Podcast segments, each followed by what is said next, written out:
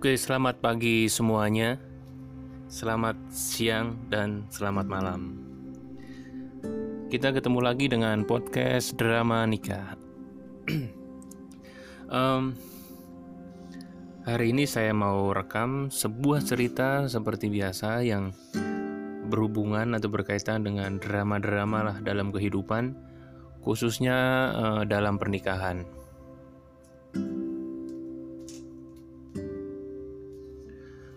Um, sebelumnya uh, saya mungkin menyapa dulu buat teman-teman semua. Mungkin ada yang baru bergabung dengan podcast ini. Jadi podcast ini kalau belum tahu uh, isinya sebuah konten-konten yang berisi drama-drama kehidupan, baik permasalahan sulit atau boleh juga permasalahan uh, uh, hal-hal yang menyenangkan dalam menjalani kehidupan rumah tangga atau ada uh, cerita jika kalian punya cerita tentang pacaran yang hampir mau nikah tapi misalnya nggak jadi walaupun belum nikah bisa juga di share di sini. Bisa juga di share di sini. Kemudian kalau kalian berminat atau pengen ceritanya dibacakan oleh saya, bisa juga kirim ke WhatsApp WhatsApp 0822 104859. Kalau bisa ceritanya yang berurutan seperti ada perkenalan, kalian itu dari mana, uh, ada umur juga boleh, terus isinya seperti apa ceritanya, terus endingnya tuh bagaimana gitu. Jadi kalau ceritanya menarik, orang-orang yang denger betah juga, nggak nggak di skip lah nanti pas dengerin. Tiba-tiba kalau di tengah-tengah di skip, diganti cerita yang lain kan nggak enak.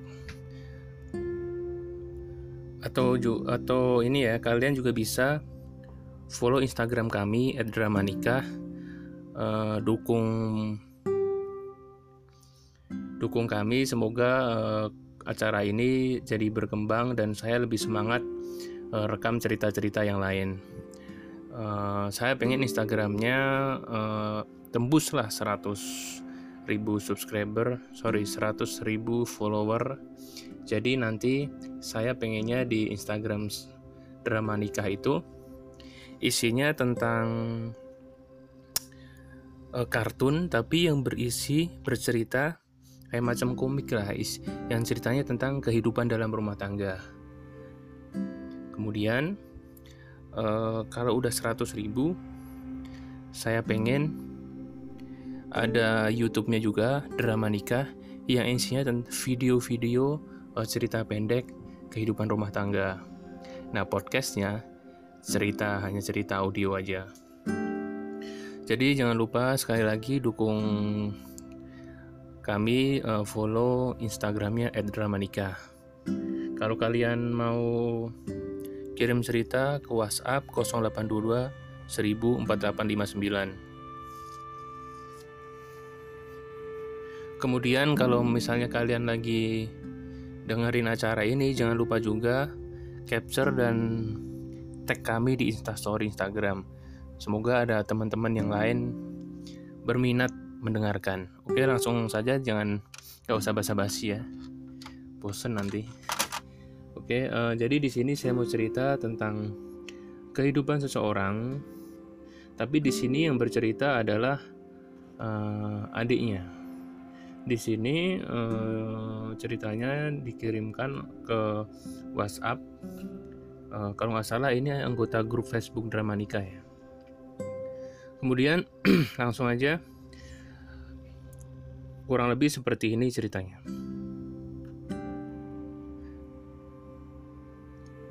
Di sini aku sebagai adik, aku menceritakan ini bukan untuk membuka aib keluarga, tapi paling enggak adalah pelajaran buat teman-teman semua. Sahabat drama nikah, namaku Ismi. Ini bukan nama sebenarnya. Jadi kalau ada yang namanya Ismi, jangan merasa itu kami sedang menyinggung kamu ya. Ini bukan nama sebenarnya. Namaku Ismi, aku punya kakak laki-laki dan sekarang sudah menikah. Jadi ketika kakakku dulu masih pacaran, aku sering dibeliin sesuatu lah sama pacar kakakku ini. Uh, jadi kakakku ini uh, laki-laki ya. Jadi si pacarnya, si wanitanya itu sering memberikan sesuatu entah makanan, kadang juga uang jajan ketika bertemu, mungkin ketika main ke rumah gitu ya. E, sebut saja nama kakakku Fadil dan nama pacarnya Nadia. E, aku tahu banget bagaimana cerita awal mereka pacaran hingga menikah. Uh, dulu kakakku bekerja di sebuah apotek. Uh, kerjanya itu jadi sebagai kurir, pengantar barang, pengantar obat dan apalah yang lain dengan yang berhubungan dengan apotek itu. Jadi ceritanya uh, awal perkenalan mereka yaitu ketika kakakku bertemu dengan Nadia di sebuah restoran Waktu itu, Nadia bekerja sebagai babysitter dan kebetulan sedang mengantarkan makanan olahan yang dibu eh, sedang mengantar makanan olahan ke restoran tersebut. Jadi restoran tersebut adalah milik bosnya. Dia sebagai babysitter, tapi waktu itu uh, kejadiannya sedang mengantar makanan ke restoran bosnya.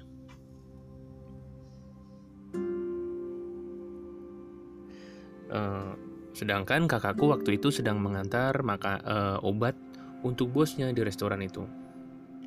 Akhirnya mereka berkenalan.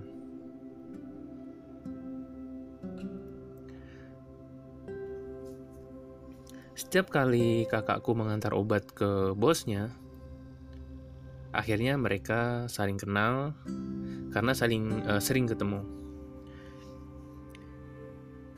Hingga akhirnya mereka pacaran dan beberapa saat kemudian entah minggu atau bulan uh, setelah pacaran ya si Nadia ini resign dari tempat kerjanya sebagai babysitter dan bekerja ke luar negeri menjadi TKW.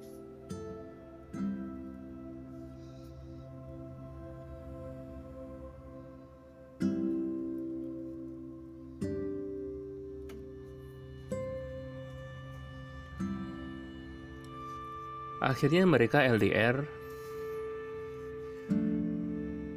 Kakakku di Indonesia dan pacarnya di luar negeri.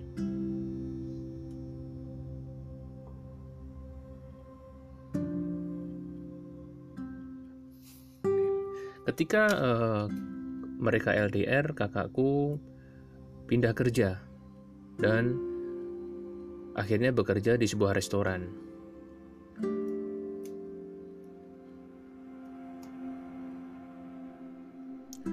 Ketika mereka LDR makin lama komunikasinya nggak selancar dulu lah, nggak selancar awal. Akhirnya kadang komunikasi, kadang enggak. Nah, di tempat kerja kakaknya yang baru kebetulan ada seorang wanita. Wanita ini berhijab berbeda dengan pacarnya yang tidak berhijab. Di, di sini nggak ada yang mendiskredit menyebutkan siapa pun ya siapa yang berhijab siapa yang enggak gitu ya. Di sini cuma mungkin sebagai uh, identitas lah yang satunya berhijab yang kenalan barunya yang pacarnya nggak berhijab.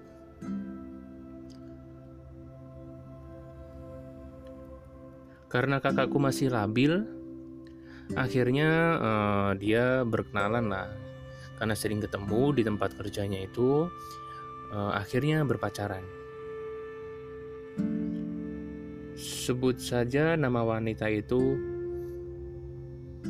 uh, Ririn.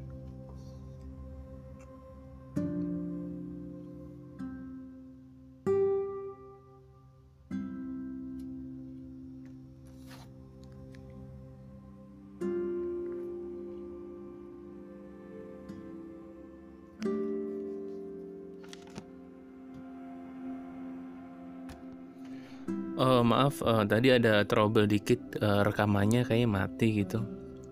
Uh, lanjut lagi. Uh, di sini uh, lanjut lagi uh, kemudian si kakaknya yang bernama Fadil berpacaran dengan wanita lagi yang namanya Ririn.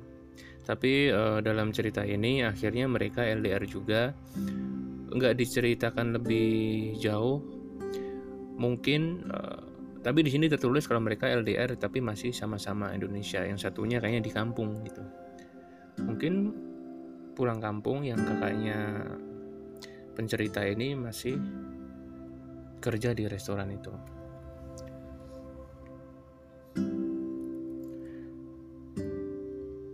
Uh, waktu itu uh, Ririn pernah dikenalkan juga ke aku karena aku waktu itu belum tahu sekali tentang pacaran ya udah aku mah setuju aja.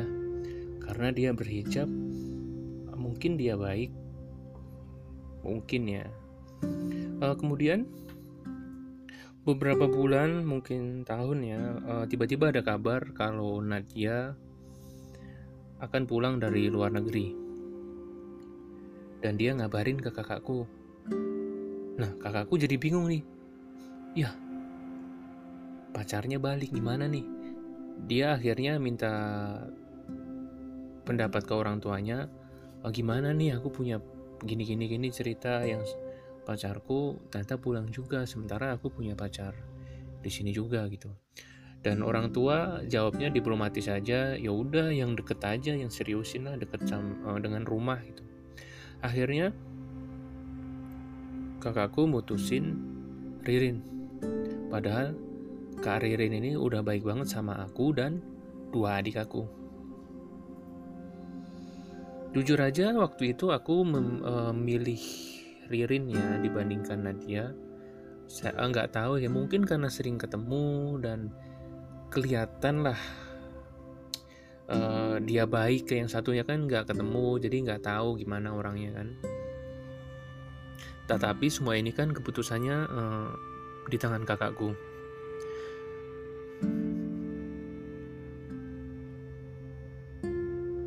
Waktu itu sebelum uh, pulang ya mendekati pulang. Dia kan sempat ngabarin nih mau pulang gitu.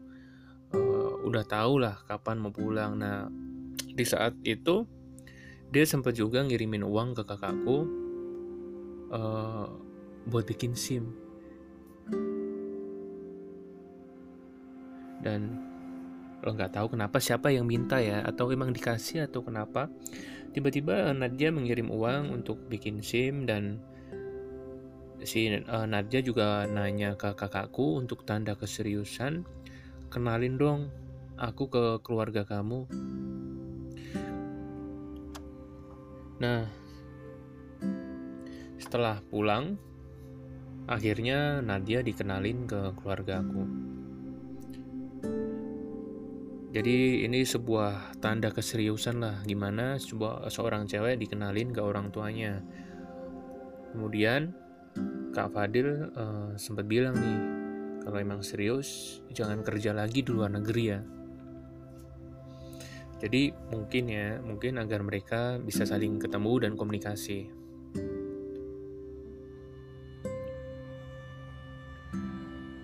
Selain itu uh, waktu itu kan pernah ngasih uang juga ya.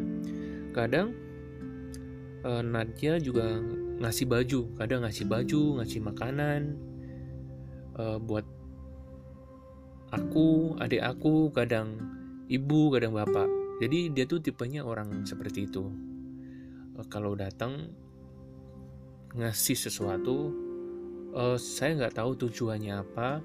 Mungkin biar sebagai tanda lah kalau mereka peduli sama kita atau ada maksud lain aku nggak tahu. Setelah pacaran sekitar 4 tahun akhirnya kakakku dan Nadia menikah. Jadi orang tuaku setuju karena dia deket kan dengan rumah. Katanya kalau kata orang dulu kalau nikahnya pasangnya jauh nanti susah nemuinnya. Apalagi sudah tua kan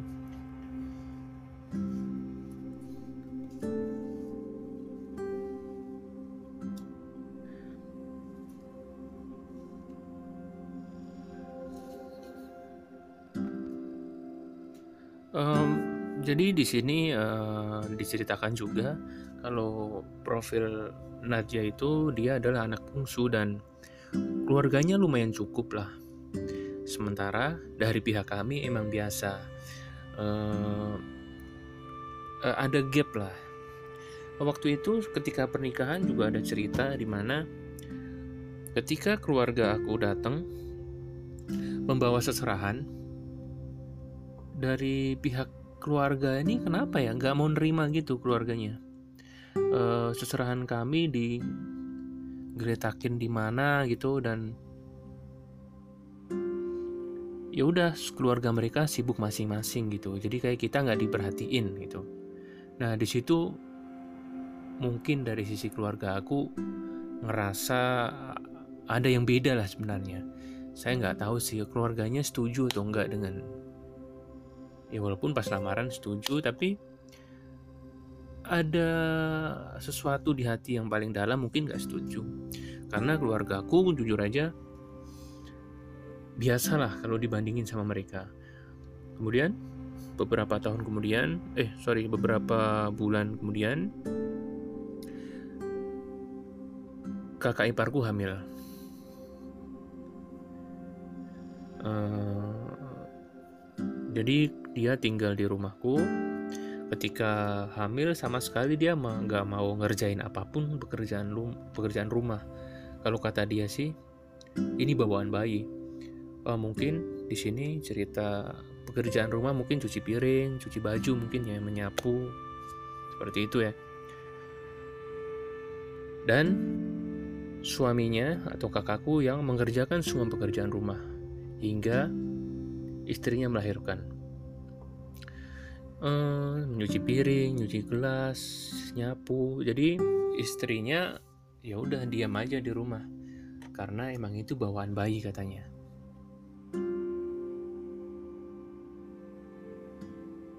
Dan setelah itu uh, oke okay. di sini uh, di dalam uh, kehamilannya ya masih dalam kehamilannya dalam lima bulan kehamilannya uh, istrinya ini juga suka nyuruh-nyuruh mama aku kayak cuci piring suruh masak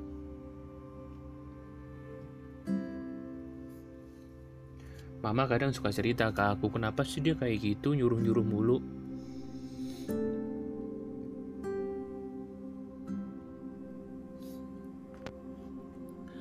Kemudian setelah anaknya lahir, di usia sekitar satu tahun lah, di sini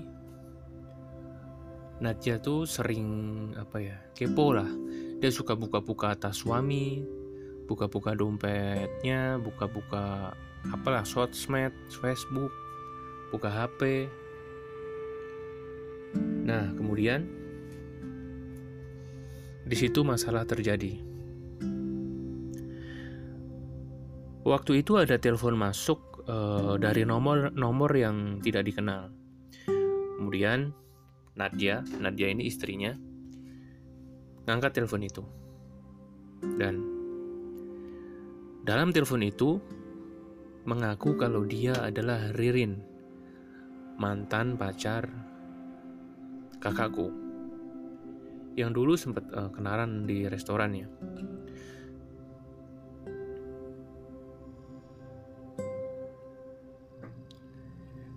Dalam percakapan itu, uh, Ririn bilang kalau kakaknya dulu pernah janjiin bakal menikahin dia. Dan ada beberapa cerita yang tidak bisa diceritakan di sini. Cerita banyak intinya. Uh, di sini maksudnya bukan saya yang ingin cerita nggak bisa cerita, tapi di sini memang tertulis nggak bisa diceritakan. Intinya Nadia langsung marah dan menangis mukulin kakakku.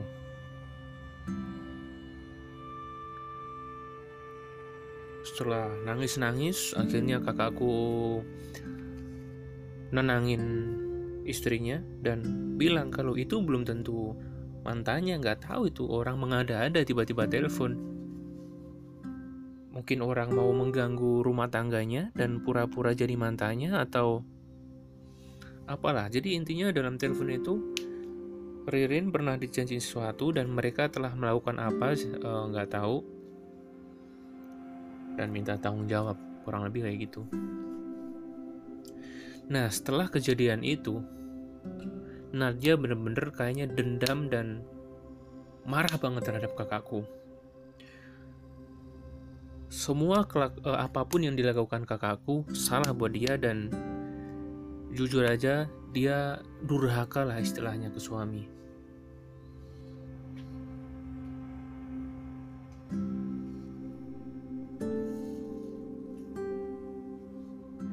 Bahkan uh, dia juga istrinya ini sempat marah juga ke bapakku.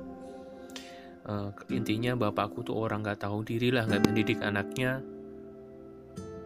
Dia tuh uh, dia bilang uh, bapakku nih jual anaknya ke ke ke, ke Nadia gitu loh.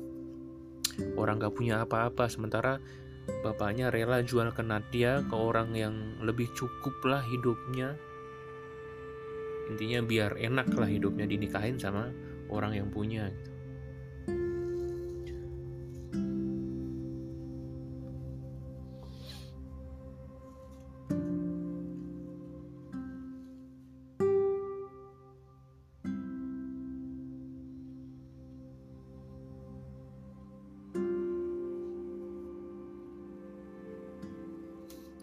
Uh, dia juga bilang ke orang tuaku kalau makasih juga ya udah ngirim pembantu ke rumahku.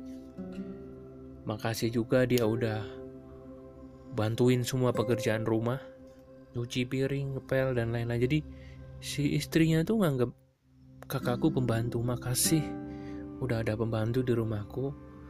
Ya seperti itulah. Makasih juga udah jual anaknya untuk dinikahkan sama aku yang lebih cukup biar hidupnya enak. Dasar orang tua tidak mendidik ya kurang lebih kayak kayak gitulah tulisannya.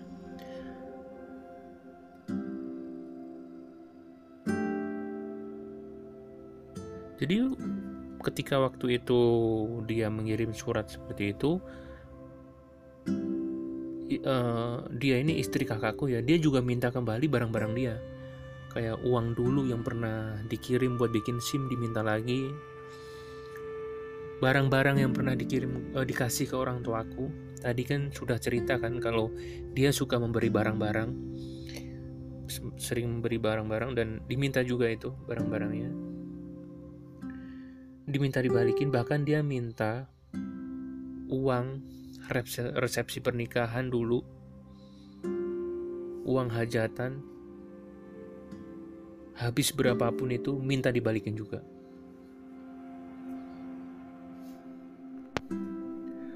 Bahkan waktu itu uh, semua uh, sosmed kakakku tuh diblok ya. Jadi kami nggak bisa hubungi kakakku. Nggak tahu kenapa ya seperti itu.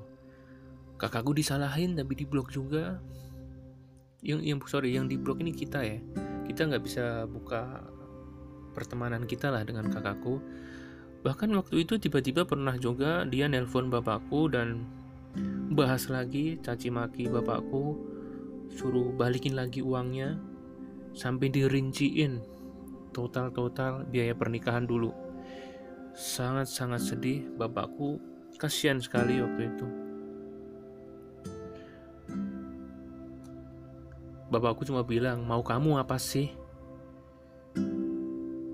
Tapi dia dia cuma meluap-luap tapi setelah diminta maksudnya bapakku tuh maunya apa? Mau cerai atau gimana gitu. Dia nggak nggak mau menjawab ke arah situ. Maksud bapakku kalau mau cerai ya udah cerai aja dengan anakku. Tapi ya itu dia minta harta dia yang pernah dikasih dibalikin lagi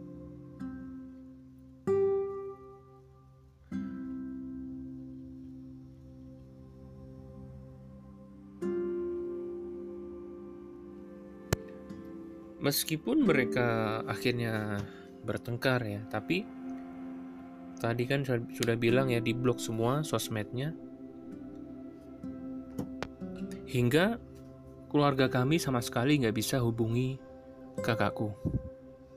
Jadi uh, setelah mereka ini bertengkar, kakakku dan istrinya bertengkar, istrinya yang bernama Nadia ini ngeblok semua pertemanan kami dengan kakakku sehingga kami bapakku, ibuku tuh tidak bisa berhubungan atau berkontak dengan kakakku. Jadi setelah kejadian itu bertengkar, bapakku nggak pernah lagi bertemu bapakku nggak pernah lagi bertemu dengan kakak pernah uh, waktu itu kakakku yang bernama Fadil sempat nyuri-nyuri kesempatan lah ngasih kabar ke bapak dan dia bilang jangan hubungin aku dulu ya apalagi di jam-jam segini-segini gitu karena uh, semua alat komunikasi dia dipegang oleh istrinya, Facebook, HP, segala macam lah yang berhubungan dengan elektronik disita. Mungkin dia masih curiga.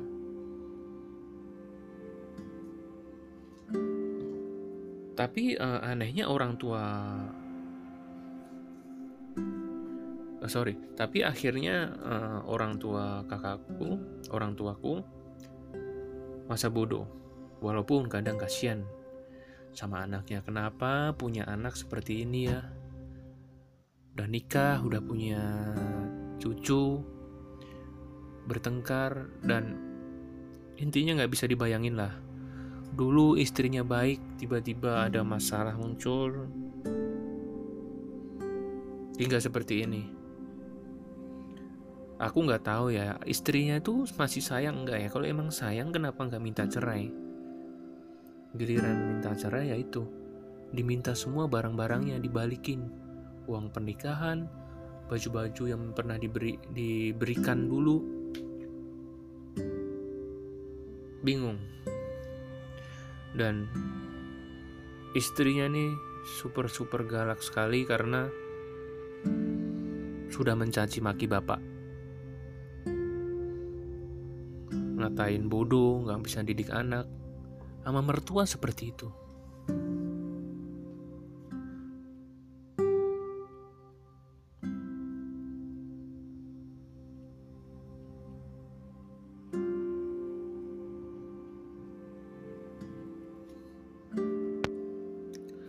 Oke, kurang lebih ceritanya seperti itu. Jadi, sampai saat ini masalah Masalah keluarga kami belum selesai. Saya, adik saya, dan orang tua tidak pernah bertemu dengan lagi dengan istri kakakku. Bahkan bertemu kakakku aja udah susah. Kalau ketemu takut dia ketahuan istrinya. Gak tahu kenapa. Kakakku juga bingung karena dia beratin masih punya anak mungkin kalau misalnya pisah. Kurang lebih seperti itu. Jadi awal yang baik belum tentu akan menjadi baik selanjutnya. Dan awal yang buruk tidak belum tentu akan selalu buruk selanjutnya. Jadi agak susah menilai orang itu sesaat kita harus kenal terlebih dahulu Jadi uh, kami minta doa doa uh, doanya buat teman-teman semua. Semoga masalah ini cepat selesai dan ya orang tua aku bisa ketemu dengan anaknya mudah lah seperti dulu. Terima kasih. Oke, sekian dulu drama nikah hari ini. Gimana menurut kalian ceritanya? Uh, mungkin di sini ada beberapa hal yang bisa dipetik ya. Uh, intinya seperti yang kayak tadi yang pernah di diomongin. Jadi awal-awal perkenalan tuh kita benar-benar nggak bisa menilai seseorang ya. Harus kenal terlebih dahulu dan walaupun um, saya nggak tahu diceritain gimana. Tadi pacaran berapa lama? Saya lupa ya. Mungkin kenal seorang tuh nggak bisa setahun dua tahun ya kenal luar dalamnya ya. Mungkin kalau nggak kenal ya kita butuh uh, referensi orang lain lah. Nanyain gimana sih dia sifatnya gitu kan. Kurang lebih kayak gitu. Oke buat teman-teman semua yang mau kirim cerita jangan lupa uh, WhatsApp ke 0822 104859 jangan lupa follow Instagramnya juga @dramanikah. Uh, kalau kalian dengerin podcast ini capture juga di Instastory tag kami biar kami repost. Walaupun Instagram kita masih kecil followersnya. Semoga uh, acara ini jadi komunitasnya bagus dan banyak penggemarnya. Terima kasih, sampai jumpa.